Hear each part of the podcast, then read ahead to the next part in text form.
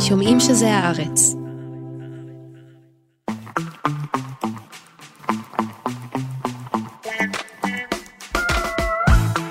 היי גילי. היי ניב. היי נעמה מלכין שמקליטה, היי מאיה בן ניסן שעורכת. היי למאזינות ולמאזינים שמאזינות ומאזינים, אתם על, תרבות יום א'. שהוא פודקאסט התרבות של עיתון הארץ, שכבר בימי ראשון מספר לכם על הדברים המעניינים אה, לעשות, לצרוך, לראות בתרבות השבוע. ומה מעניין אה, לצרוך, אה, לראות? אה, תראה, אנחנו... לצרוך זה נורא לא תרבותי, זה נכון. נורא כזה של ק- של ק- קניונים, נכון? נכון, אבל אה, היות ואנחנו בשיא עונת המלפפונים, נכון? רגע לפני שמתחילים הפסטיבלים של אה, סוף הקיץ, כן. פסטיבל ישראל, פסטיבל ירושלים, עוד פסטיבל שנייה. ירושלים נפתח ב- בסופש הזה. אה, ניתן איזה רשימת המלצות קטנה קטנה בסיבוב מהיר. אה, אוקיי, וגם יש לנו אה, תוכניות מרחיקות לכת לשבוע הבא בנוגע נכון, לפסטיבל כן. ירושלים. אבל אה, עד שנגיע לשם, עד שנגיע לפסטיבל ישראל, עד שנגיע לתל אביב דנס, שגם קורה לקראת אה, סוף הקיץ, אה, אנחנו קצת בשבועות אה, שחונים, נכון? כאילו, ולכן לצרוך מתייחס לרגע שבו אתה יושב מול הטלוויזיה ועושה פעולה של צפייה שהיא נורא נורא צריכתית, צריכתית ותחושתית, הקבל. ולדעתי פשוט הקפיטל והלך הרוח שלו השתלטו עלייך, ועל אוצר המילים שלך, וגם חוויה שהיא תרבותית היא כבר מבחינתך צריכה, כי הכל אנחנו צורכים. אני צריכה את זה בסוף היום. כן. אה, אז מה את אה, צורכת? תראה, אה, בגבוה? אנחנו נדבר על, אה, המוסד וקללת לילהמר, יהיה כאן אה, גידי ברון, אחד מיוצרי הסרט הזה, שישודר הערב בהוט 8. כן. מהמם. סרט מאוד יפה ומעורר מחשבות אה, קשות. נדבר גם על הסרט על וואם, כי צריך לנוח. כן. אה, ואם אפשר לנוח, וואם באם, thank you ma'am. אם אפשר לנוח עם אנשים עם שיער קריספי כזה וקראנצ'י, ומכנסיים מאוד קצרים. ומכנסונים אה, ביצה נופלת, כזה, כן. נכון? כמו ששירה אמרה, לכנסת לא היו מכניסים אותו עם הבגדים האלה. אז נדבר גם על הסרט הזה, ויש לנו איזה חוב קטן למראה שחורה, אז אנחנו נסיים גם עם זה, ונסיים לגמרי לגמרי בסיבוב מהיר. נשמע לי מעולה. בואי נתחיל. יאללה. can't really do another true crime. What about? Oh my god. She even has your hair. The first question any platform is going to ask is what's the hook? אז בשבוע שעבר דיברנו על שני הפרקים הראשונים של דיברנו מראה שחורה. ארוכות על שני הפרקים הראשונים, והיה לנו כזה חשק כשאמרת, יאללה, בואי נמשיך כאילו. כן. אמרתי, בואי נעשה ריקאפים, כאילו. כן, תראי את השלישי, והנה אני, אדם ממושמע, כן. יושבת ורואה את השלישי, וכזה, "מ, אוקיי, זה מאוד נחמד, אבל מאוד נחמד. כי לא ראית את השלישי, ראית את הרביעי. כי האלגוריתם, אתה מבין? אני. ראיתי את שני הפרקים הראשונים. טוב שיש את מי ואז להאשים. אמרתי. המשך בצפייה, ונפלתי על הפרק עם איש הזאב. אה, הפרק של באפי, את מתכוונת, שבטעות זה מראה שחורה. אמרתי, "ני, אוקיי. שילוב אה, של באפי עם עשיית מוסר על אה, פפרצי. מאוד משונה, הפרק הזה. מאוד משונה, ואמרתי, בסדר, זה נחמד, אני נהנית מזה, כמו שנהניתי מסיפורים לשעת לילה מאוחרת. כן? לא, את מגזימה עכשיו, זה לא... לא, לא, תראה, נהניתי באמת, אך לא הבנתי למה זו המשימה ש... למה זה מראה שחורה? כן. ולמה אמרתי לך שזה טוב? כן, כי אני התכוונתי לפרק השלישי, שהוא פרק די מרהיב, ושאני חושב שבשבילו בעצם המציאו את מראה שחורה. זו, זו היסטוריה אלטרנטיבית, שבה אה, משפחת מנסון לא רוצחת אה, אה, סלבריטאים, אלא אסטרונאוטים שהם הסלבריטאים של אותה תקופה, ועל שני אס, אה, אה, אסטרונאוטים שחיים, במשימה בירח, אבל יש להם אה, מעין אבטארים Mm. בכדור הארץ. בקיצור, משהו מאוד מעניין, מאוד מעניין גם, ב, ב, גם בהיסטוריה האלטרנטיבית וב- ובאיך שזה מתקדם מאז. אז אני וגם- אסביר לך מה קרה כאן. כן. מה שקרה לי, מהמם. זה עוד פרק של מראה שחורה. גילי חשבה אך הטכנולוגיה כן. הפילה אותי פשוט ונתן לי, האלגוריתם נתן של לי. Streamberry, אגב, זונחים את זה, כן? חשבנו שנלך עם ה Streamberry הזה לכל העונה. לא, לא. שני פרקים ראשונים ואז זהו. אז מהבחינה הזו זו עונה קצת מוזרה של מראה שחורה, יש, יש לה אחוז פגיעות מאוד גבוה, אולי הגבוה ביותר בעיניי. מאז תחילת הסדרה. זאת אומרת, למעט הפרק שאת ראית. לא, אני שלא אה, ישתמע, שלא נהניתי מזה, פשוט לא כן, הבנתי כי מה אני... באפי זו אחלה סדרה, פשוט לא, רואה? לא ברור למה זה, זה מראה שחורה, והפרק האחרון גם, בכלל כאילו... אין טיפת קשר בינו לבין... זה כבר פרק, זה כאילו באיזשהו מקום, אה, הרגשתי שזו נהיית אנתולוגיית אימה, ולא אנתולוגיית דיון על טכנולוגיה. הפרק האחרון הוא ממש הורור כאילו אה, אחד לאחד. יותר מהפרק השני? כן, אה, כן, יותר מהשני ויותר מהרביעי, כן. שמאללה. כן. אז לא יודע, אולי אה, היה פה איזשהו אה, אה, פיבוט של הגדרת הסדרה. את יודעת, אני לא מאוד אוהב אלבומי קונספט, מהמם. כאילו, אז לא אכפת לי שחורגים מהקונספט, סתם, ו- ו- וזו יופי של עונה ואחלה סרטים קצרים. ובעיקר אני חושב על צ'ארלי ברוקר, כן. שפשוט כתב פה חמישה סרטים קצרים. זה די מופרע, וכל אחד מהם הוא בז'אנר אחר. נגיד, האחרון, אני לא יודע אם תראי לו, אבל זה הורור כזה 70's, מהמם. עם אסתטיקת 70's.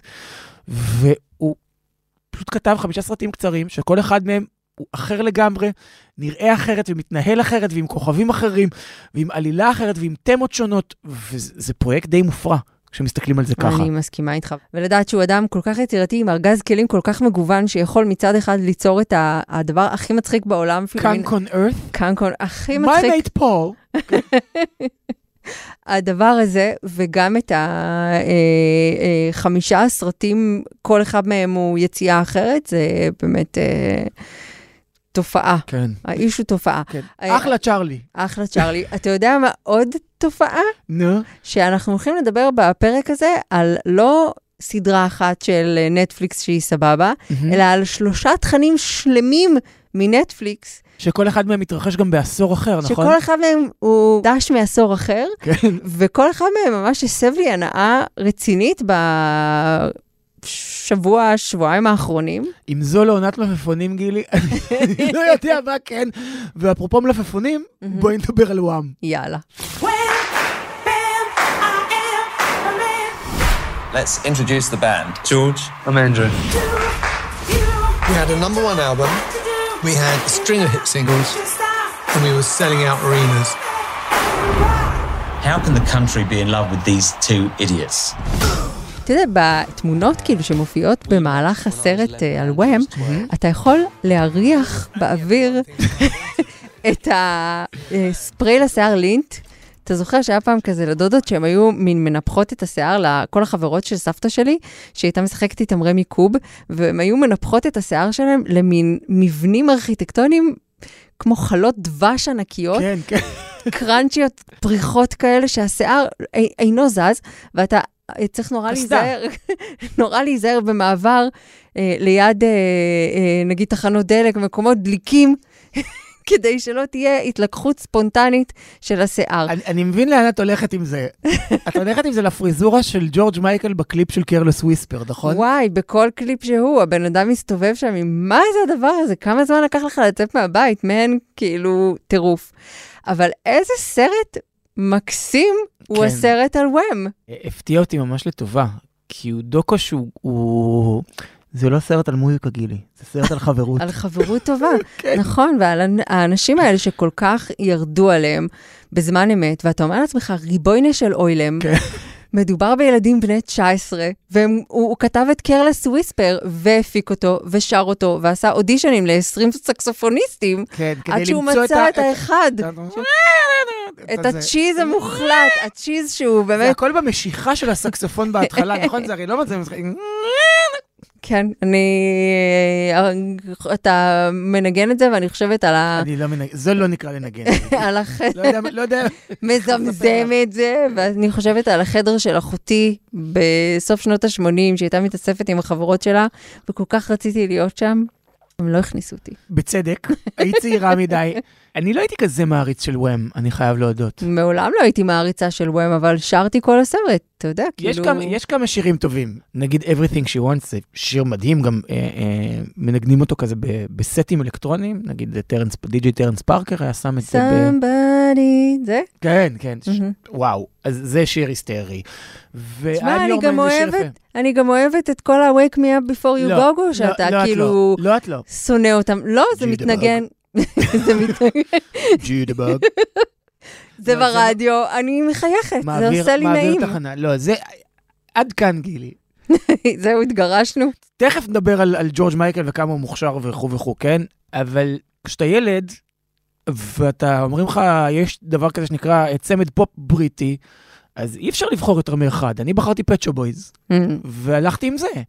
כאילו, ואז וואם, זה נחמד, ויש שירים יפים, וברור נגיד שגם זה, זה שני צמדים ב, בדינמיקה אחרת. אה, נערי חנות חיות המחמד ווואם, ולו, אם את משווה את שם ההרכב ואת ה... נגיד, אה, אה, תנועתיות של ג'ורג' מייקל לעומת התנועתיות, או העציות ליתר דיוק המכוונת של ניל טננט וזה. אבל אני הייתי בטים הזה, כן היו שירים טובים, זה לא, לא הייתי מאלה שתולשים את השיער שלהם בשביל וואם. גם אני לא הייתי אה, תולשת את אה, שערותיי, ואני חושבת שגם הבחירה הטבעית שלי היא, היא פצ'ו בויז, אבל כשאתה רואה את המקבץ הזה של להיטים שנוצרו בתוך כמה שנים... אה, ארבע שנים בלבד. ארבע שנים אה, קצרות, כשהם היו כל כך צעירים, ואתה יודע עכשיו גם את הסיפור שמאחורי הסיפור, ועד כמה אה, הדברים היו קשורים להסתרה ולרצון אה, לגלות, ואז פחד מלגלות ופחד מלחשוף זהות מינית, ואתה יודע שתמונת המראה שלהם באמת היא Pet Shop Boys.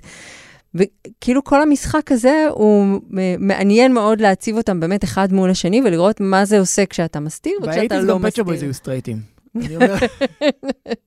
ברור, הם היו חברים ממש טובים, ידידים, כן. כן.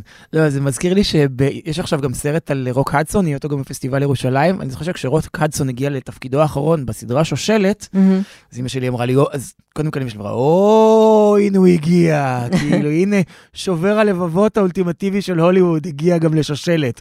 זאת אומרת, זה עד, עד אותו רגע, הכל היה כל כך בהסתרה, זוועת עולם. עכשיו, מעבר לזה שיש סרט על חברות נורא יפה ושזה, הוא גם כן סרט מוזיקלי. כן. כי הוא כן מראה אה, כמה ג'ורג' מייקל היה גאון, ולא סתם יפיוף ששר ושיודע לשיר. את הקול שלו זה משהו שאי אפשר להתכחש mm-hmm. לו, כן? ואת איך שהוא יודע לשיר אה, ומה לעשות עם הקול שלו, זה גם משהו שאי אפשר להתכחש לו, אבל העובדה שהוא ניגן, ב... אם היינו ממשיכים אחר כך. לדוקו על פיית', mm-hmm. בסולו שלו, אז גם היינו רואים שהוא מנגן בכמעט כל הכלים. כן. ופה הוא מפיק את השירים שלו, והוא כותב אותם. יש לו חזון מוזיקלי ברור לאיך שהוא רוצה להישמע ואיך לבצע את הדבר הזה. כשהוא הפיק לעצמו זה היה נשמע טוב יותר. כן, והחזון האסתטי של אנדרו ריצ'לי לעומת זאת, הוא מכנסונים. נכון? מה התרומה שלו להרכב? מכנסונים. לא, וגם הוא... איזה ג'קט מקופל, אתה יודע, כזה עד המרפק. אבל, אבל ג'ורג' מייקל מספר שהוא נורא העריץ אותו, כאילו, הוא היה עם הביטחון, הוא היה הכריזמטי, הוא היה זה ש, שהיו סביבו. הוא היה שמח פשוט, הוא בן אדם נורא שמח. כי הוא לא היה לו שום דבר להסתיר. כן. והוא גם היה האופנה כאילו של, של הצמד, הוא זה שהכתיב את הטעם שלהם. אנחנו צוחקים על המכנסונים, זה היה הלוק שלהם, וזה עבד. מכנסונים כאילו וסניקרס כאלה, כן, כן גרביים. זה, זה חלק מה... אני חושב מהאתוס של וואם, כמו שיש שירי פופ כלילים, יש גם את הלוק הזה, והלוק הוא חלק בלתי נפרד מההצלחה ההיסטרית שלהם. כן, בקיצור, סרט על וואם, ואתה צופה בו ונורא נורא שמח ממנו, מתרגש ממנו, ו... וגם עצוב קצת. עצוב. אני, היה, לי, היה לי נורא עצוב על ג'ורג' מייקל. כן. כאילו, ועל איך... נכון שההסתרה הביאה אותו למקומות אמנותיים באמת גבוהים, כאילו, גם בהמשך. אבל את רואה איך כבר שם מתחיל השנאה שלו לחברות תקליטים, ומה שהחברת תקליטים עושה להם בהתחלה, והאחוזים שהם מקבלים. סוף הקריירה של ג'ורג' מייקל, אה, ענן... שחור מתנוסס מעליה בגלל הסכסוך שהיה לו עם סוני, והוא הפך להיות אומן שכמעט לא מקליט, וכשהוא כבר מקליט זה בעיקר קאברים אה, בגלל ענייני זכויות יוצרים, ואז יוצא שבניינטיז בעצם הלהיטים הכי גדולים של ג'ורג' מייקל, זה הקאבר שלו ל Killer ו Papa Was a Rollin' Stone, ול-Don't let the sun go down on me, שיש לו רגע יפה גם בסרט הזה. Mm-hmm. זה גם היה לי קצת עצוב. אה, מצד שלישי, כן רואים פה בריאה של popstar, כן. נכון? Mm-hmm. אנחנו רואים את זה קורה ממש מתהווה, עינינו. כן, הוא מתהווה כ popstar. וגם יש פה נקודת זכות, אני חושב, לאלטון. כן. כאילו... אז ברור שהייתה הערה סרקסטית מצידי של, טוב, נו, הוא מעט חומד אותו, רואים שהוא מעט חומד אותו. הוא חומד בהחלט. קודם כל, בטוח, אלטון בטוח מבין, הרדאר שלו זה לא, לא, לא נעלם. לא, זה ברור. זה לא נעלם מהרדאר שלו, אבל הוא כן מאוד נדיב עם, עם מה שהוא אומר עליו בנוגע לאיכות כתיבת השירים שלו. נכון. כן, ובסיטואציה הזאת, אתה יודע, זה כמעט כמו מבוגר אחד שיאמין בך. ממש. מנטור אחד שיסמן אותך כמישהו שווה. וייתן לך את הסטמפה וזה, זה כאילו... כן. 19 סוכנים ישראליים מגיעים לעיירה נורבגית שלווה לילהמר. המטרה הייתה חיסולו של עלי חסן סלמה. סילביה אמרה להם, אני עוקבת אחריו, הוא לא מתנהג כחשוד, זה לא הוא. ועדיין קיבלו פקודה לבצע את החיסול? התוצאה הייתה חיסולו של... היום בערב בהוט 8 יעלה סרט יהודי חדש בשם המוסד וקללת לילהמר, שכמו שאתן ואתם יכולים לנחש ולהסיק, עוסק בחיסול השגוי של המוסד בנורבגיה אה, וכל מה שהתלווה אליו, והקללה שרבצה על אה, מי שהשתתף באותו מבצע, אותה פעילות. מי שביימו את הסרט הם עמנואל נקש, גידי מרון ונועם טפר, וגידי נמצא איתנו כאן. היי, מה העניינים? היי, גידי. תודה. תודה שבאת. תודה לכם שהזמנתם. שאלה ראשונה מחויבת, מדוע להמשיך ולחפור בקרדום הזה שנקרא פרשת לילהמר? מה עוד יש בפרשה הזו שאנחנו לא יודעים וראוי ש, שנדע עכשיו, ולמה לעסוק בעצם בזה שוב עכשיו? א', שאלה טובה, וכאילו מצופה להגיד יורצייט, 50 שנה. כן. אבל זה לא, זה לא היורצייט. בואו אני אספר לכם איך, איך עלה הרעיון בכלל. יש לי איזה אישיו עם אה, זקנים, זקנים. אם זה מתחיל בנבלות של אה, קניוק, כן. שאני חושב שהסרט, לפחות איך שאני תופס אותו ואיך שאני רציתי אותו, התמה שלי מאוד מתכתבת עם נבלות. ואני בכלל לא הייתי ניגש אה, לסיפור לילהיימר ללא פגישות שהיו לי עם אדם מופלא, אדם מאוד מבוגר, 75, לא יודע אם מאוד מבוגר, שהוא איש מוסד שהיה במבצע הזה. והוא לא משתתף בסרט כי הוא לא רצה להיחשף, אבל אני נפגשתי איתו הרבה.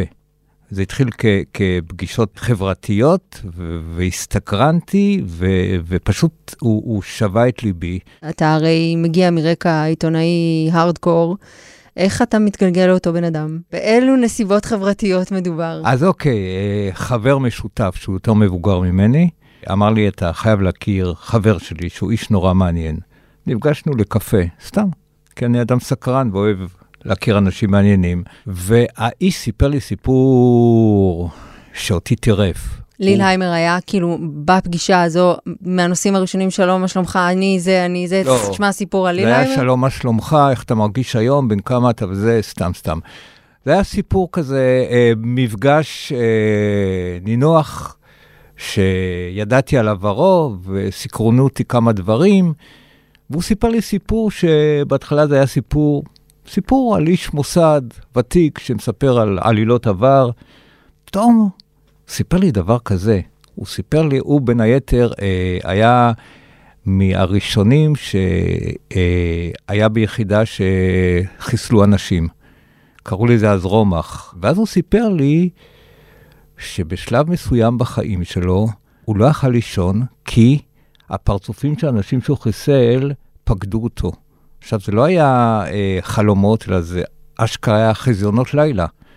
והוא סיפר לי שהייתה לו אז ילדה קטנה, הוא לא ידע איך, איך להסתדר עם זה, זה, זה טירף אותו, וכמאצ'ו איש מוסד, הוא לא חשב בכלל ללכת לטיפול פסיכולוגי, והוא אפילו די התבייש בזה. ואז הוא הלך לחדר של הבת שלו להרגיע אותה שהיא בכתה איזה לילה, והוא נרדם על המרבד לידה, ואז ברגע שהוא שכב לידה, אף אחד לא, לא הופיע לו ב, בחזיונות שלו. וזה מאוד מאוד ריתק אותי. הוא היה בלילהמר, ו- והוא סיפר לי, ואמרתי, אני חייב לפגוש אנשים שהשתתפו במבצע הזה, כי במבצע הזה, הלוא הם הרגו בטעות, הם רצו לחסל את uh, עלי חסן סלמה, הנסיך האדום, והם הרגו לא בטעות, סליחה, הם הרגו את uh, אחמד בושיקי.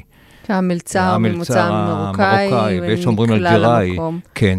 ואמרתי, על אחת כמה וכמה. שאחיו הקים את הג'יפסי קינגס, אגב. נכון, נכון, וואלה. נכון.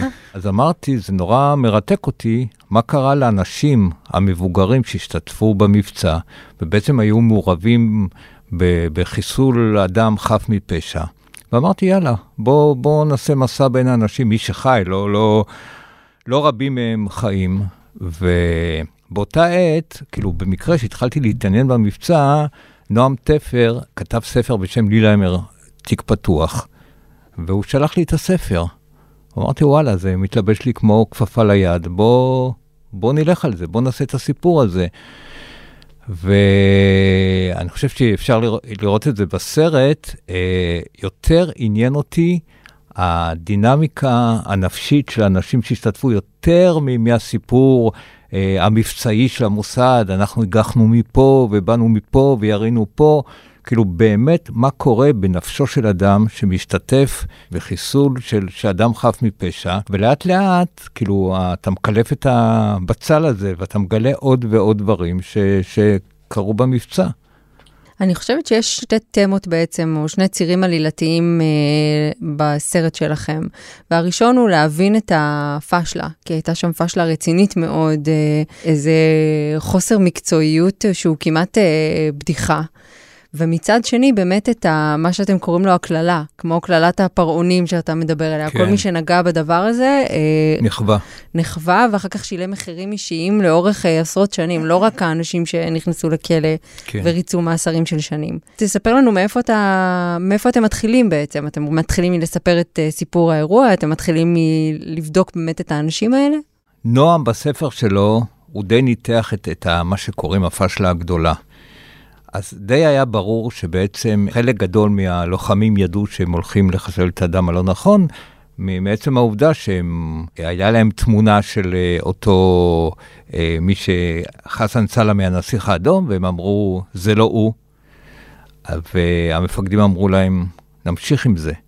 זאת אומרת, מהבחינה הזאת ידענו מה קרה. זאת אומרת, רצינו להבין למה הם בעצם המשיכו עם, אה, אתה יודע, דגל שחור בעצם אה, מתנוסס מעל מעל הפקודה. זו הייתה פקודה בלתי חוקית בעליל. זה נורא מזכיר לי את יום כיפור, שקורית, מלחמת יום כיפור שקורית כמה חודשים אחר כך. זו מין יהירות שכוחות הביטחון הישראלים וכל הזרועות שלהם, מה שהם יעשו, יהיה בסדר. אי אפשר לגעת בנו, אנחנו המוסד הגדולים, אנחנו יכולים, מי שנחסל זה... זה, זה יהיה הבן אדם, למרות ש... כל תמרורי האזהרה נמצאים שם. זאת אומרת, מי שאמור לזהות אותו בפנים, לא, מזהה שזה לא הוא, זה לא שהוא לא מזהה אותו, אלא מזהה שזה לא הוא. ומי שמצלמת אותו אומרת, הוא דובר נורבגית אה, אה, מלא. שוטפת, ומשח... כן. כן, ו- והוא מתנהל בנינוחות, זה לא, זה לא הבן אדם. ובכל זאת אה, אה, הולכים ועושים את זה. אז לגמרי, אני, אני באמת, כאילו אמרתי כבר שבשבילי זה היה סיפור לילהאמר אה, אה, בקליפת אגוז זה המיקרו-קוסמוס של, של מלחמת יום כיפור, אותם ש... סימפטומים שאתה אומר... טרי... ש... זה פשוט טריילר. אה, זה פשוט טריילר, ו, ו, ואני חושב ש, שממש, אם אתה מנתח את זה, אז אחד לאחד אתה רואה שגם...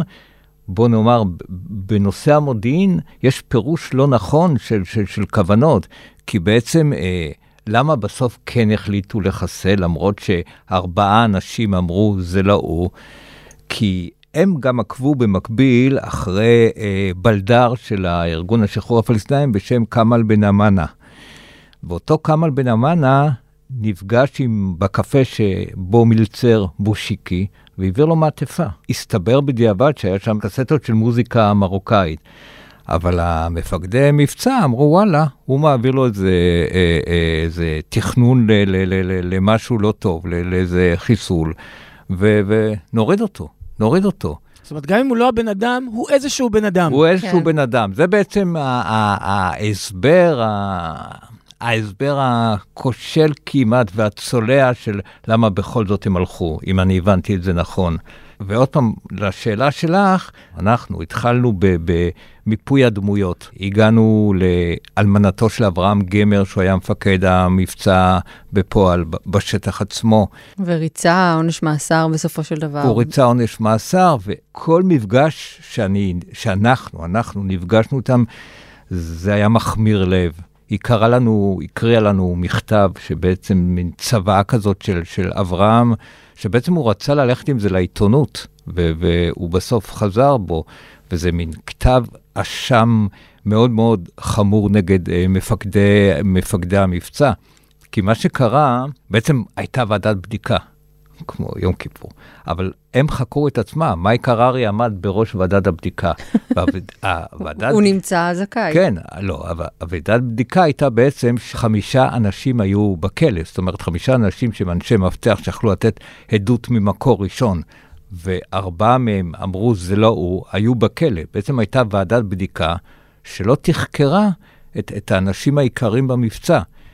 לימים, כשאברהם גמר חזר מהכלא, הוא בא וביקש שעשו ועדת חקירה, כאילו, אובייקטיבית, הוגנת, ולא הסכימו, ולכן הוא עזב את, ה, את המוסד בטריקת דלת. מה שמאוד אה, באמת אה, מכווץ את הלב שם זה ההבנה הזו של כל מי שהיה מעורב, שגם אם היית, גם אם נתת את אה, מיטב שנותיך לארגון ולביטחון המדינה, ברגע שדבר כזה קורה, אתה לבדך לחלוטין. כולם יתנערו ממך, אף אחד לא ייתן לך איזשהו את גב. מצחיקה, לא, לא ראית משימה בלתי אפשרית בחיים שלך? ראיתי, ראיתי משימתך עם כן. איזה, ברור. ולא שמעת את הקלישאה של אנשי הספורט, היה כישלון יתום. אה, כן. שמעתי גם, אבל אתה יודע, כשאתה מצלם ב... ואת לא מכירה את אה, הש"ג? כן. הכרנו, אבל, ועדיין כשאתם נכנסים עם מצלמה לביתו של דן ארבל, האיש המרשים אה, והתמיר הזה, שבאמת נשא על כתפיו את האשמה לסיפור, לברוך הזה, והיום הוא בגיל, מה, 80 ושש. וכמה? ושש. מאבטח בקניון וחי בקושי, זה מאוד מאוד... רגע, אז בוא, בוא נעשה רגע צדק היסטורי גם לדן ארבל. אני התאהבתי בדן ארבל. איך לא? כאילו, באמת דן שהוא ארבל, דמות... אה, באלוהים, זה הלוואי אני בגילו, יהיה ככה, הוא רץ עשרה קילומטר, הוא בן 86, הוא מלא שמחת חיים, יש לו 20 נכדים. הוא שומר בקניון, אבל עוד פעם, אפשר להציג את זה בצורה, הנה, לאן הוא הגיע, אבל הוא רוצה את זה, כי הוא איש שיחה, והוא כל כך שמח שהוא מדבר עם אנשים שם. מצד שני, הוא נושא כחטוטרת על גבו כל השנים את הצלב הכישלון. והאיש כל כך אציל, שהוא פשוט לעולם לא, לא, הוא לא קיטר על זה. ודיברנו עם הבן שלו, דובי, שהוא גם איש מופלא, והוא סיפר, הוא היה קטן, אבל איך ילדים בבית ספר לעגו לה, לאחים שלו, הנה אבא, אבא הבוגד, אבא זה, אבא זה. מצד אחד הלב נחמר, מצד שני אתה משתאה מול האיש. איך, איך אמר לי דובי? הבן, היה הכי קל לזרוק עליו, כי הוא, אה, הוא דני, עדין נפש. בהתחלה שפגשתי אותו, חשבתי שהוא עובד עליי, כי יש בו משהו כל כך לכאורה תמים ועדין, וכמעט על גבול ה... נאיבי וה... כמעט. כן, הנאיביות, ואמרתי, איך זה יכול להיות? איש מוסד כל כך נאיבי, למרות שאחר כך אני הבנתי שהכוח שלו היה בעצם ה... ה... ה... ה... דמותו הלא מאיימת, ו... ובאמת שמו עליו תיק כל כך כבד, וכשאני מסתכל על, אה, שדיברנו איש איש לנפשו, איש איש לכישלונו, דן ארבל הלו, למה הוא שיתף פעולה? כי לגרסתו, ואני מאמין לו לכל מילה, מייק הררי אמר לו, אל תדאג, המקומיים, הנורבגים, משתפים איתנו פעולה. לא, לא רק לו, יש... אה, כן. זאת אומרת, הי- הייתה הנחה, הנחת עבודה שהנורבגים איתנו פה ב- בסיפור. אז כשדן נעצר, הוא אמר לשוטר ש... שעצר אותו, אח שלי, אנחנו, אנחנו איתכם, וסיפר את הסיפור. אנחנו מתואמים. כן, ואני רוצה, רוצה להגיד לכם שאותו דן ארבל, כמה חודשים לפני זה, הוא הפליג ביאכטה עם אה, אה, סילבר רפאל לנמל התקיה בסוריה, למשימת אה, תצפית, והסורים עצרו אותם. והוא הצליח בתמימותו, במרכאות, אה, להיחלץ מזה. זאת אומרת, הוא, הוא כן איש בעל תושייה, ו- והבן שלו אמר לי, אני לא הבנתי איך אבא נשבר כל השנים, ולא דיברנו על זה. ויום אחד הם היו ב... אה, הם עשו איזה ריצת מרתון, והם רצו יחד. בשלב מסוים, בתבור, הוא זכר, הם עצרו. והוא אמר לו, אבא, ספר לי, למה נשברת? הוא אמר לו, אני לא נשברתי, פשוט אני האמנתי ש... ש... שעבדנו איתם, וזה מחמיר לב. את יודעת, ודן ארבל בעצם, הוא, הוא, הוא האיש שלמרות הכל, הוא, הוא הכי אה, נפשית, הוא בסדר, אבל אנחנו הבנו מהאלמנה של אברהם גמר, שהוא לקח מאוד מאוד קשה את הסיפור הזה, הוא פשוט נשבר. הוא חלה, הוא ואתם כותבים שם, ו- ובילה שנים ארוכות מאוד במוסד אה, כן. סיעודי. יש לוחם נוסף שאתם, אה, מחסל א', נוסף כן. א', שאתם מטשטשים אוקיי. את זהותו, וגם גורלו לא... א', זה גם סיפור נורא עצוב. א', הוא, הוא, הוא, הוא מחסל, אגב, אה, אני חייב להגיד שבלילהיימר עצמו הוא לא חיסל, הוא היה בצוות העיכוב, אבל בכל המבצע, מה שאנחנו מכנים זעם האל, הוא, הוא, הוא חיסל באירופה הרבה אנשים, והוא באמת חזר שבור מהמבצע. הוא היום חצי דמנטי כזה. המשפט היחידי שהוא הצליח להגיד לבן שלו, שהבן שלו רפאל, אומר לו, אבא, למה אתה לא מדבר? הוא אמר, כי זה לא, זה לא גאווה גדולה להיות, לחסל אנשים. וכאילו ב, ב, בשרעפי הפיכחון שלו, בתוך הדמדומי זיכרון, זה, זה, זה קרע את הלב. יש שם אחותו, פשוט מדברת על המחיר העצום, על ה... על, היא, היא מכנה את זה, הוא איבד את הרגש שלו. הבן הבכור שלו, אחרי שהוא חזר מהמבצע, נהרג בתאונת דרכים, והיא אומרת אה, שבאמת, א', נאטם, הוא לא היה מסוגל להכיל את האבל. כאילו, כל איך שאתה לא מסתכל על ה... על, עוד פעם, אני מדבר על התמה של קללת לילמר, או האנשים ששילמו בערוב ימיהם, או בדרכם את, את המחיר, מבחינתי זה, זה, זה סיפור נורא נורא קשה וכבד. אני חושב שהכוח של הסרט הוא בדיאלוג שהוא מנהל בין הפרטי ללאומי. כי אתה כל הזמן מדבר על פרטים, ואני אני כל הזמן חושב ברמה, ברמה הלאומית, ואיך זה, זה משפיע עלינו, ו, ואיפה זה עדיין נותן את אותותיו, הדברים האלה. ומבצע זעם האל הוא מבצע נקם על טבח הספורטאים הישראלים באולימפיאדת מינכן ב-1972, ואני חושב על נקמה יהודית, ונקמה בכלל, וכמה היא משתלמת, וכמה היא מותירה את אותותיה לא רק במי שנקמו בו, אלא גם בנוקם עצמו. ואני מסתכל על המציאות שלנו עכשיו, שבה אה, פתאום אה, אה, הנקמה היהודית מרימה בחזרה את ראשה. ואולי מבלי להתכוון יצא לך לדבר גם קצת על נקמה היהודית שאנחנו רואים עכשיו. אני רואה על המגפיים שלך שכתוב אה, לך, אז המחאה אה, אה, אינה זרה לך, ואני תוהה מה... המגפיים האלה נועדו להליכה, ניב. כן. אני תוהה כמה זה היה מכוון וכמה לא, כמה זה פשוט נרטיב שהוא ישראלי וצף תמיד.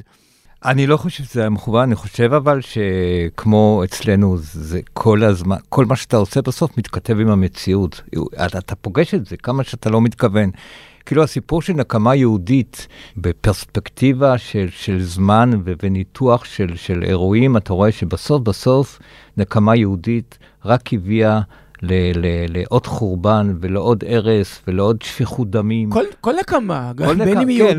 לא, אתה דיברת על נקמה יהודית. כן, כל- כי זה, כי, נקמה... כי זו הנקמה שלנו. לא, כי, כאילו עוד פעם, אז אוקיי, אתה יודע, זה, זה העניין, פה אנחנו נכנסים פה לפלטפורמות אולי לא לנו כרגע בשיחה, אבל כאילו הפתרון זה, זה לנסות דיאלוג, ו, ועוד פעם, ואני עוד פעם סוטה מהנושא, אבל כל עוד יהיה כיבוש, אז יהיו נקמות כאן ושם, כאן ושם, ולעולם זה לא ייפתר. בעוד מבצע בג'נין, רק אנשים משני הצדדים ייהרגו. שאלה טובה. אני הרגשתי שהסרט אומר משהו, בתמת העל שלו זה שנקמה היא אף פעם לא משתלמת. אתה יודע איך אתה נכנס, אתה לא יודע איך, איך תצא, ובכמה תרחיב את מעגל הדמים. ועוד עניין, כל העניין של נקמה ממוסדת. זאת אומרת, העובדה שכמדיניות יש מדיניות של אה, נקמה, וגם במשך שנים היא נחשבה לגבורה אולטימטיבית, זאת אומרת, אנחנו ננקום את, אה, את הדם. מה זאת אומרת, עשינו, המצאנו לזה ביטוי, סיכול ממוקד. זה, זה לא, זו לא נקמה, זה לא חיסול, זה סיכול ממוקד. אני, אני כל כך מתקומם נגד המילה סיכול, אפילו זה כבר נכנס לתוך הטרמינולוגיה של קרייני החדשות שאומרים מחבל סוכל. מה זה סוכל? זה סיכול האותיות של חוסל פשוט. כן, כן, אבל uh, בעיניי זה, זה, זה, זה נורא ואיום. עכשיו... Uh, גם בסרט שלך יש את הפליטה הפרוידיאנית שמישהו אומר חיסול ממוקד. באמת? כן, אני לא זוכר. ש- ש- חיסול הוא אה, סיכול. כן, ממוקד. אבל כולנו לוקים ב, ב, ב, אה, אתה יודע, פליטות אה, פרודיאניות, שאנחנו כבר מכניסים את זה לשיח היומי, ואחר כך אתה אומר, וואי, וואי, מה אמרתי? כאילו, גם אני מאוד מצטער שכשאני דיברתי בסרט, אני אומר, דן נשבר. מה זה נשבר? הוא לא נשבר. כאילו, אני בדיעבד מצטער על האמירה שאמרתי את זה כן. אה, ללא מחשבה, אבל... אה, כן, זה, זה לוקח אותנו ל, ל, ל, להמון המון מחשבות בכלל, כאילו, להיכן שאנחנו נמצאים עכשיו, ומה יהיה, ו, ובאמת, המוסד מאוד, uh, הדוברות של המוסד הוציאה תגובה על, על הסרט, והיא, עוד פעם, בתרגום חופשי, כי אני, זה לא מול העיניים שלי, היא אומרת שהסרט הוא, הוא, uh, זה חלקי אמיתות. ומדברים על זה שמייק הררי אה, ביקש מראש המוסד דאז צבי זמיר להתפטר, וגולדה דחתה את, ה, את הבקשה, ומאז הוא הביא את המוסד להישגים אה, מרשימים. עכשיו, אני, אני מסכים לכל מילה, אבל אני אומר... זה דבר- כמו תגובה של קבוצת כדורגל, אני חייב להגיד. לא, אז, אז אני אומר, אני רוצה, אני מסכים לכל מילה, אבל מה זאת אומרת? אה, אה, קודם כל, לא היה סיכוי בעולם שצבי זמיר יקבל את ההתפטרות שלו, כי צבי זמיר היה בעצמו אמור אה, להתפטר אם הוא היה מקבל. דבר שני, זה שמייק אה, הררי הוא איש רב אה, הישגים, זה ברור מאליו, הוא המשיך, אבל במבצע הזה, אני חושב שעוד פעם, מי אני שאני אשפוט, אבל בעיניי, בפרספקטיבה, פרספקטיבה של שנים, אני חושב שהוא לא רק שגה, כאילו, הזילות הזה, שאוקיי, אתם פה, ו- וזה אולי נחסל אותו, זה, זה מה שנורא נורא, כן, זה מכאיב לי. זה אותו דבר עם uh, סיכולים ממוקדים, חיסולים נטרולים, וזה גם uh, uh, תקף לא רק ל- לצה"ל, זה גם נכון לצבא הברית. זה אולי הוא לא המחבל, הוא איזשהו מחבל. אז אני, אני חייב לספר לכם, נסעתי הנה למערכת ב- עם uh, נהג מכפר קאסם. ישר אנחנו מדברים על המצב. הוא ערבי, אני יהודי, אז כל משפט מסתיים בנרגילה, זה על המצב.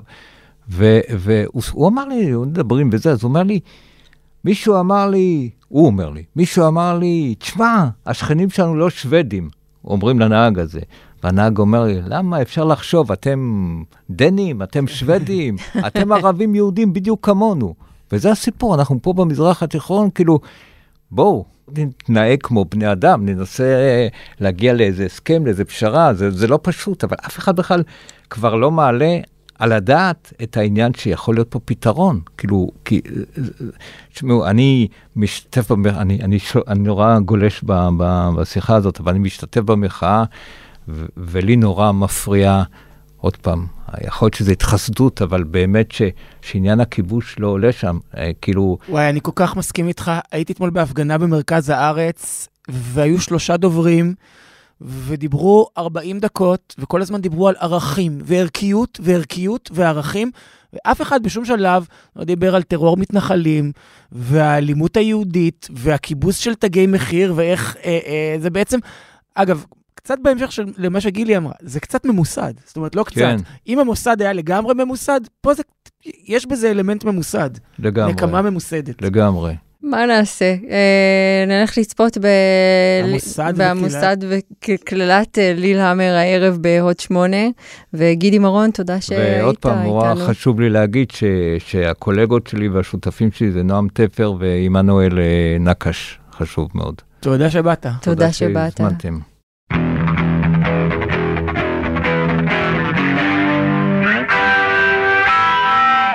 כשאמרת לי לראות את הסדרה ברקודה קווין, האמת שזה לא נכון, אני התחלתי את זה בשקר גמור. מה שקרה, מה שקרה, דיברנו על מה נשוחח היום, ואני אמרת, וגם יש סדרה ממש טובה ומצחיקה שראיתי בנטפליקס ואני אשמח לדבר עליה. ואז כתבתי לך, אם תאמרי לי איך קוראים לה, גם אני אוכל לראות אותה, ואז נדבר עליה והשיחה עליה תהיה יותר מעשירה. לא, אני לא אמרתי ממש טובה, ממש זה. כתבתי, יש איזה קומדיית uh, פשע שוודית שאני להפתעתי נהניתי ממנה. זה היה, זה לא הרמתי כאילו, הרמת, וואו, הרמת. וואו, זה הדבר הכי טוב שראית בחיים, כי זה לא, זה כאילו, אתה יודע, זה סוכריית גומי חמודה להעביר איתה אחר צהריים בשבת. אז זה כאילו אה, קצת Spring Breakers, נכון? אבל ב nineties, ועם פסקול של Roxette. כי אנחנו בש- בשוודלנד. נו, זה לא, כבר, אבל- כבר, כבר. אבל זה לא שהסדרה נפתחת ב- She says hello, Hello. You fool. You fool. אה, זה לא נפתח ככה. זה כאילו, זה השיר הלא מוכר של Roxette, זה שהצליחו להשיג עליו את הזכויות יוצרים, כי כל שאר הזכויות יוצרים בסדרות של אפל, כן? גדול. Uh, הייתי מסתפקת גם באיזה Ace of Base טוב כזה, אבל... פה פה פה פה, כן. הלהקה החביבה עליי של הז'אנר הזה, אני חייבת באמת? להגיד. וואי, תקשיב, כל שיר, אתה, אין, אתה לא יכול לא לזוז, אני מתה על זה. על- אני מאוד אוהב את All That She Wants, ואת הקאבר ל Don't Turn Around של Aswad. אפרופו בז'אנר הזה, אלון חבר שלי יצא, יצא לדייט, כן? כן. עם אחיינית של דוקטור אלבן. והיא אמרה לו, למה איכס? כי דוקטור אלבן. אבל היא אמרה לו... It's my life. כן, אז היא אמרה לו, אמרה לו, דוד שלי היה כוכב פה ב nineties, אולי אתה מכיר איזה שיר אחד שלו. אז הוא אמר לה, מי? הוא שאל, אז הוא שואל אותה מי, אז היא אומרת לו, דוקטור אלבן, אז הוא אומר לה, שיר אחד, על מה את מדברת? כאילו, Sing Hallelujah, It's my life, אה, Hello Africa, no Tell me how you doing. היא הייתה בהלם שהוא הכיר כל כך הרבה. סליחה, היטמן, מה, איפה התחנכת? איפה גדלת? בג'ונגל? בשוודיה. בקיצור, אם רק נחזור לברקודה קווינס, אה, שבעברית קוראים להם רק ברקודות, אה, סוף שבוע פרוע של אה, ארבע בנות ישר אני חושב על השיר ברקודה. סביב 20 כזה, בנות עשירים מפרבר מליאנים. אה, בפאתי אה, סטוקהולם. הן גם עושות איזושהי תקלה שם במלון ומחויבות בתיקון שלה, וגם אה, חגגו כל כך חזק שהם לא שמו לב כמה כסף הם השאירו שם, ומגיע חשבון עתק שאין להם איך אה, לשלם, ולכן הן מחליטות לנצל את הווילות הענקיות שסביבן במקום שבו הן גרות, ופשוט לשדוד קצת. מאותו רגע מתחילה איזושהי... אה, אז אני רוצה לתקן את עצמי, זה ספרינג ברייקרס פוגש את Bling Ring, פוגש את אה, Roxette. כן, תמשיכי. אה, אוק- אוקיי. בקיצור, מתחילות פשוט כאילו לגנוב מהסביבה שלהן ולמכור, והולכות ומסתבכות בתוך השקרים של עצמן. אבל הטוויסט המעניין בכל הסיפור הזה זה שאחד, הסדרה מבוססת על מקרה אמיתי שקרה בשוודלנד באמצע שנות ה-90. ושתיים, העדכון שנעשה שם הוא אה, בהפיכת השודדים, הם היו גברים, לשודדות, מכסחות שזה- השדים, שזה- אושן 8, ג'יימס אבונדה, כן. שזה מהלך שבאמת נעשה כבר שחוק מרוב שימוש, אבל במקרה הזה, שאתה מציב את העלילה בשנות ה-90, ובמיזוגניה המסוימת והספציפית, שגם הנשים הצעירות והפריבילגיות מאוד שהן היו, שהן בעצם הגיבורות חוות, אתה מצליח להסביר את המהלך המאוד תמוה הזה שבין להיות uh, בת טובים, ללהיות uh, סטודנטית uh, מצטיינת למשפטים, שמתכננת איך uh, לשדוד את אוסף האומנות של uh, חבר של חברה שלה. אני רק אגיד שטרנטינו עשה היפוך מגדרי לפני שזה היה אופנתי, מהמם. בג'קי בראון. ג'קי כן. בראון אמור להיות גבר, והוא הפך אותה לאישה לפם גריר, כאילו בספר של אלמר לנארד. בקיצור, מה שאני רוצה כן. לומר לגבי הברקודות, זה שלא חייבים, תרצו, תראו אה, אני קלאסי. יודע מה רציתי לשאול אותך. אמרת שזה כאילו, אמרת שזה קומדיית פשע, מהמם. אבל זה לא מצחיק. לא, זה קצת מצחיק. זה לא. זה לא מצחיק. בכלל, סליחה שאני כאילו אומר את זה בפסקון כזה, זה לא- את צחקת? אולי עשית. לא ספרתי גיחוכים לא- לעצמי, לא אבל בטוח. חשתי משועשעת. כן? כן, חשתי משועשעת, ולכן אם אה, בא לכם אה, סוכריית גומי לצהרי אה, יום שבת, מהמם. אחלה, אחלה בחירה. כן. בשבוע הבא, גילי, יעלו שני סרטים גדולים, שיכולים להיות, אני חושב, ה double feature המושלם. מצד אחד ברבי ומצד שני אופנהיימר, נכון? ברבי של גרטה גרוויג ואופנהיימר של, מי לבש את זה טוב יותר? כן, של כריסטופר נולן. אז אני לא יודע, על ברבי גם יהיה דוקו? כי על אופנהיימר כבר יש דוקו שרץ, על נכון? ברבי יש דוקו מהמם, ומומלץ לחפש אותו בכל מיני uh, VODים וכאלה. יש אחלה דוקו על ברבי וההיסטוריה שלה. אה, וכל הסוגים של ברבי שהיו, ומה היא ביטאה כשהיא נוצרה, אחלה, אחלה, אחלה דוקו. ועל אופנהיימר כן. אה, ישודר מחר אבי דוקו. פצצת האטום, אבי פצצת האטום חשוב כמעט האמריקאי. כמו ברבי. כמעט, כמעט מדגדג את ה... לדעתי היו לו קשתות פחות מרהיבות ברגליים אה, לאופנהיימר. את לא ראית אותו אף פעם בורח היה- מהפטריה. אף שמדובר בגבר נאה מאוד, כמו שאפשר להתרשם ממש מהדקות הראשונות של, אה, של הדוקו אופנהיימר, שבעצם אני חושבת שהוא, אתה יודע, הבליץ שלפני אה, הפטריה. Uh, הוא מכין את השטח לקראת uh, הסרט המאוד מאוד מצופה הזה, ומספר גם את סיפור חייו של מישהו בן של מהגרים uh, גרמנים יהודים שהתיישבו בארצות הברית והתעשרו בה מאוד, וגם היה בעצמו בחור אקסנטרי שהמציא את עצמו מחדש במהלך הלימודים שלו, וגם היה הבחירה הכי לא צפויה לנהל את פרויקט הגרעין של ארצות הברית, וגם מי שהתייסר כל חייו הבוגרים מהמעורבות שלו בבניית הפצצה, ופשוט לא הצליח להתרומם מעל עול האשם הכבד שהוא נשא כל חייו. אז uh, מהבחינה הזו זה אחלה הכנה, מי שמתכנן ללכת לראות את אופנהיים, אופנהיימר, הסרט, אה, זה- זה מבלבל נורא. שזה אתה ואני, כן. לפחות, אתה ואני הולכים לראות. את- זה קורה לך שאת מ- מתבלבלת בין, ש- הנה זה קרה לך. כן. יש אופנהיים ואופנהיימר שאני מתבלבל לפעמים, כן, וורטהיים וורטהיימר, זה גם מבלבל, נכון? כן. אה, אה, כן, כן, אבל אני, אתה יודע, אני חתומה על אה, טעויות אינספור, ואני כזה מין מקבלת אותן בהכנעה סטואית. את לובשת בגאווה את ה... את כל הליפסוסים וכל השגיאות שאני עושה, כן. ומתנצלת למפרע. יופי. אנחנו נחרוג ממנהגנו, ולא אה, אה, נסיים עם אה, המלצת מוזיקה, אלא אני אמליץ על כמה סרטים מפסטיבל ירושלים. נכון ששבוע הבא אנחנו, מהמם. אנחנו כאילו... אה, אנחנו שם, מן. כן, ויהיה פרק מיוחד וזה, כהרגלנו, בחודש. בחודש? כן. בכל זאת, אה, אה, בואי ניתן קצת המלצות, כי יצא לי לראות כמה סרטים. ב- בפריוויואים. קודם כל ראיתי את אה, בריכה אינסופית, מהמם. סרט של דניאל קרוננברג, הבן של אה, אה. דיוויד, עם אה, חבר שלך אלכסנדר סקרסגרד. אה, מה וח- קורה? וחברה שלי מיה גות. אפשר להגדיר את זה כמה היה קורה אם קרוננברג היה מבי- מביים את הלוטוס הלבן. אה? זה טוב? טוב לי. אהבת? יש את איך לפוצץ צינור נפט, מהמם. שזה סרט, תחשבי על כאילו אושן 11, כן? כן. או כלבי אשמורת, או אה, סרט... אבל אה, בקטע אקולוגי? סרט שוד, אבל עם כל השטיקים של, של סרטי שוד, של העוקץ, והחפרפרת מבפנים, ושמתאים אותך שאת את חושבת שהם הולכים לעשות דבר אחד והם עושים דבר אחר. כל הזה, רק שבסוף הם לא שודדים כספת, אלא מפוצצים צינור נפט. טוב. כן. יש את הקיץ האחרון של קטרין בריה, מהמם. שזה רימייק לסרט סקנדינבי, מהמם. ששכחתי איך קראו לו, וגם הוא שיחק בפסטיבל ירושלים, על רומן של אם חורגת עם אה, בנה, החורג. מהמם. איך הצרפתים אוהבים את גיל ההסכמה? יש משהו שהם יותר אוהבים...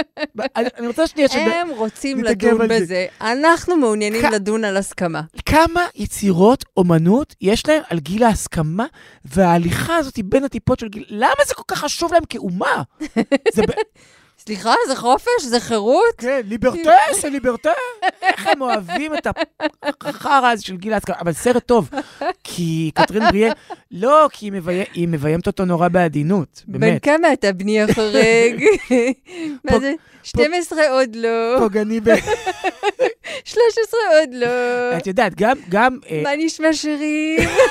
גם, גם די איידול, גם די איידול זה בעצם דור שני לדי, לדיון על גיל ההסכמה, כי ונסה פרדי, אמה של לילי רוז דפ, מהמם. שיחקה בסרט חתונה לבנה. אה, כן, קשרת את ה- את כל הקצוות, ניב. כן, מה עוד? נכון. יש את uh, ריאליטי, סרט עם uh, סידני סוויני מאופוריה, מהמם. שפה היא משחקת פונקציונרית בהשתלטות הרוסים על הבחירות בארצות הברית ב-2016. נשמע מייבש. לא, זה לא אבל, זה לא מייבש בכלל, גילי. ממש לא מייבש. יש עוד... אני רוצה לחזור לדבר במבטא צרפתית לא, ואתה לא, יש לי... מה קורה שרי? בן 16? 16 זה בסדר. רגע. אתה מסכים. אחרון, סרט אנימציה צרפתי גם הוא, את יכולה להמשיך. בסדר. אני אמשיך. שנקרא מאדים אקספרס. אחלה סרט, כאילו, על מה קורה כש, כשגרים במאדים, יש שם אה, עניינים אה, גם אקולוגיים, גם סרט מאוד מעניין. אבל וה- יש שם נערים, כאילו, נערים, הם עשויים להסכים. הם עשויים להסכים, שרי. מה אם- צרפתייה פוגשת חייזר, איך בן 16, איך זה קורה, כאילו, מה מתרחש שם? אה, הוא אומר לה, take me to your leader, לא? ומציע לה ג'וינט, והיא מצמצמת את המבט כדי שהיא תוכל לראות אותו אה, כמו זה ה- בפוסטרים אה, האלה זה מה nineties. החולצות היו, החולצות האלה מה nineties, שהיו רואים את ה- את החייזר מתיקים באפלה, נכון? הירוק, ואז היה כתוב, take me to your dealer, ורואים חייזר מעשן ג'וינט, איזה צחוקים. איזה שנינה. אין, ב nineties, מדהים. רגע לפני שאנשים הלכו עם חולצות הדפס של בגין, נכון? זה גם זוכר את הרגע הזה? אמ, פחות. לא בגין ולא בן גוריון, שלא יחשבו שזה... וגולדה, מה? גולדה, גולדה. גולדה גברתי, זה רמז מין- מטרים. ממש, החולצות האלה זה... זה מה שמגיע לה, את יודעת מה? עם גולדה, מה שמגיע לה זה גלידריה גרועה וחולצות הדפס מכוערות.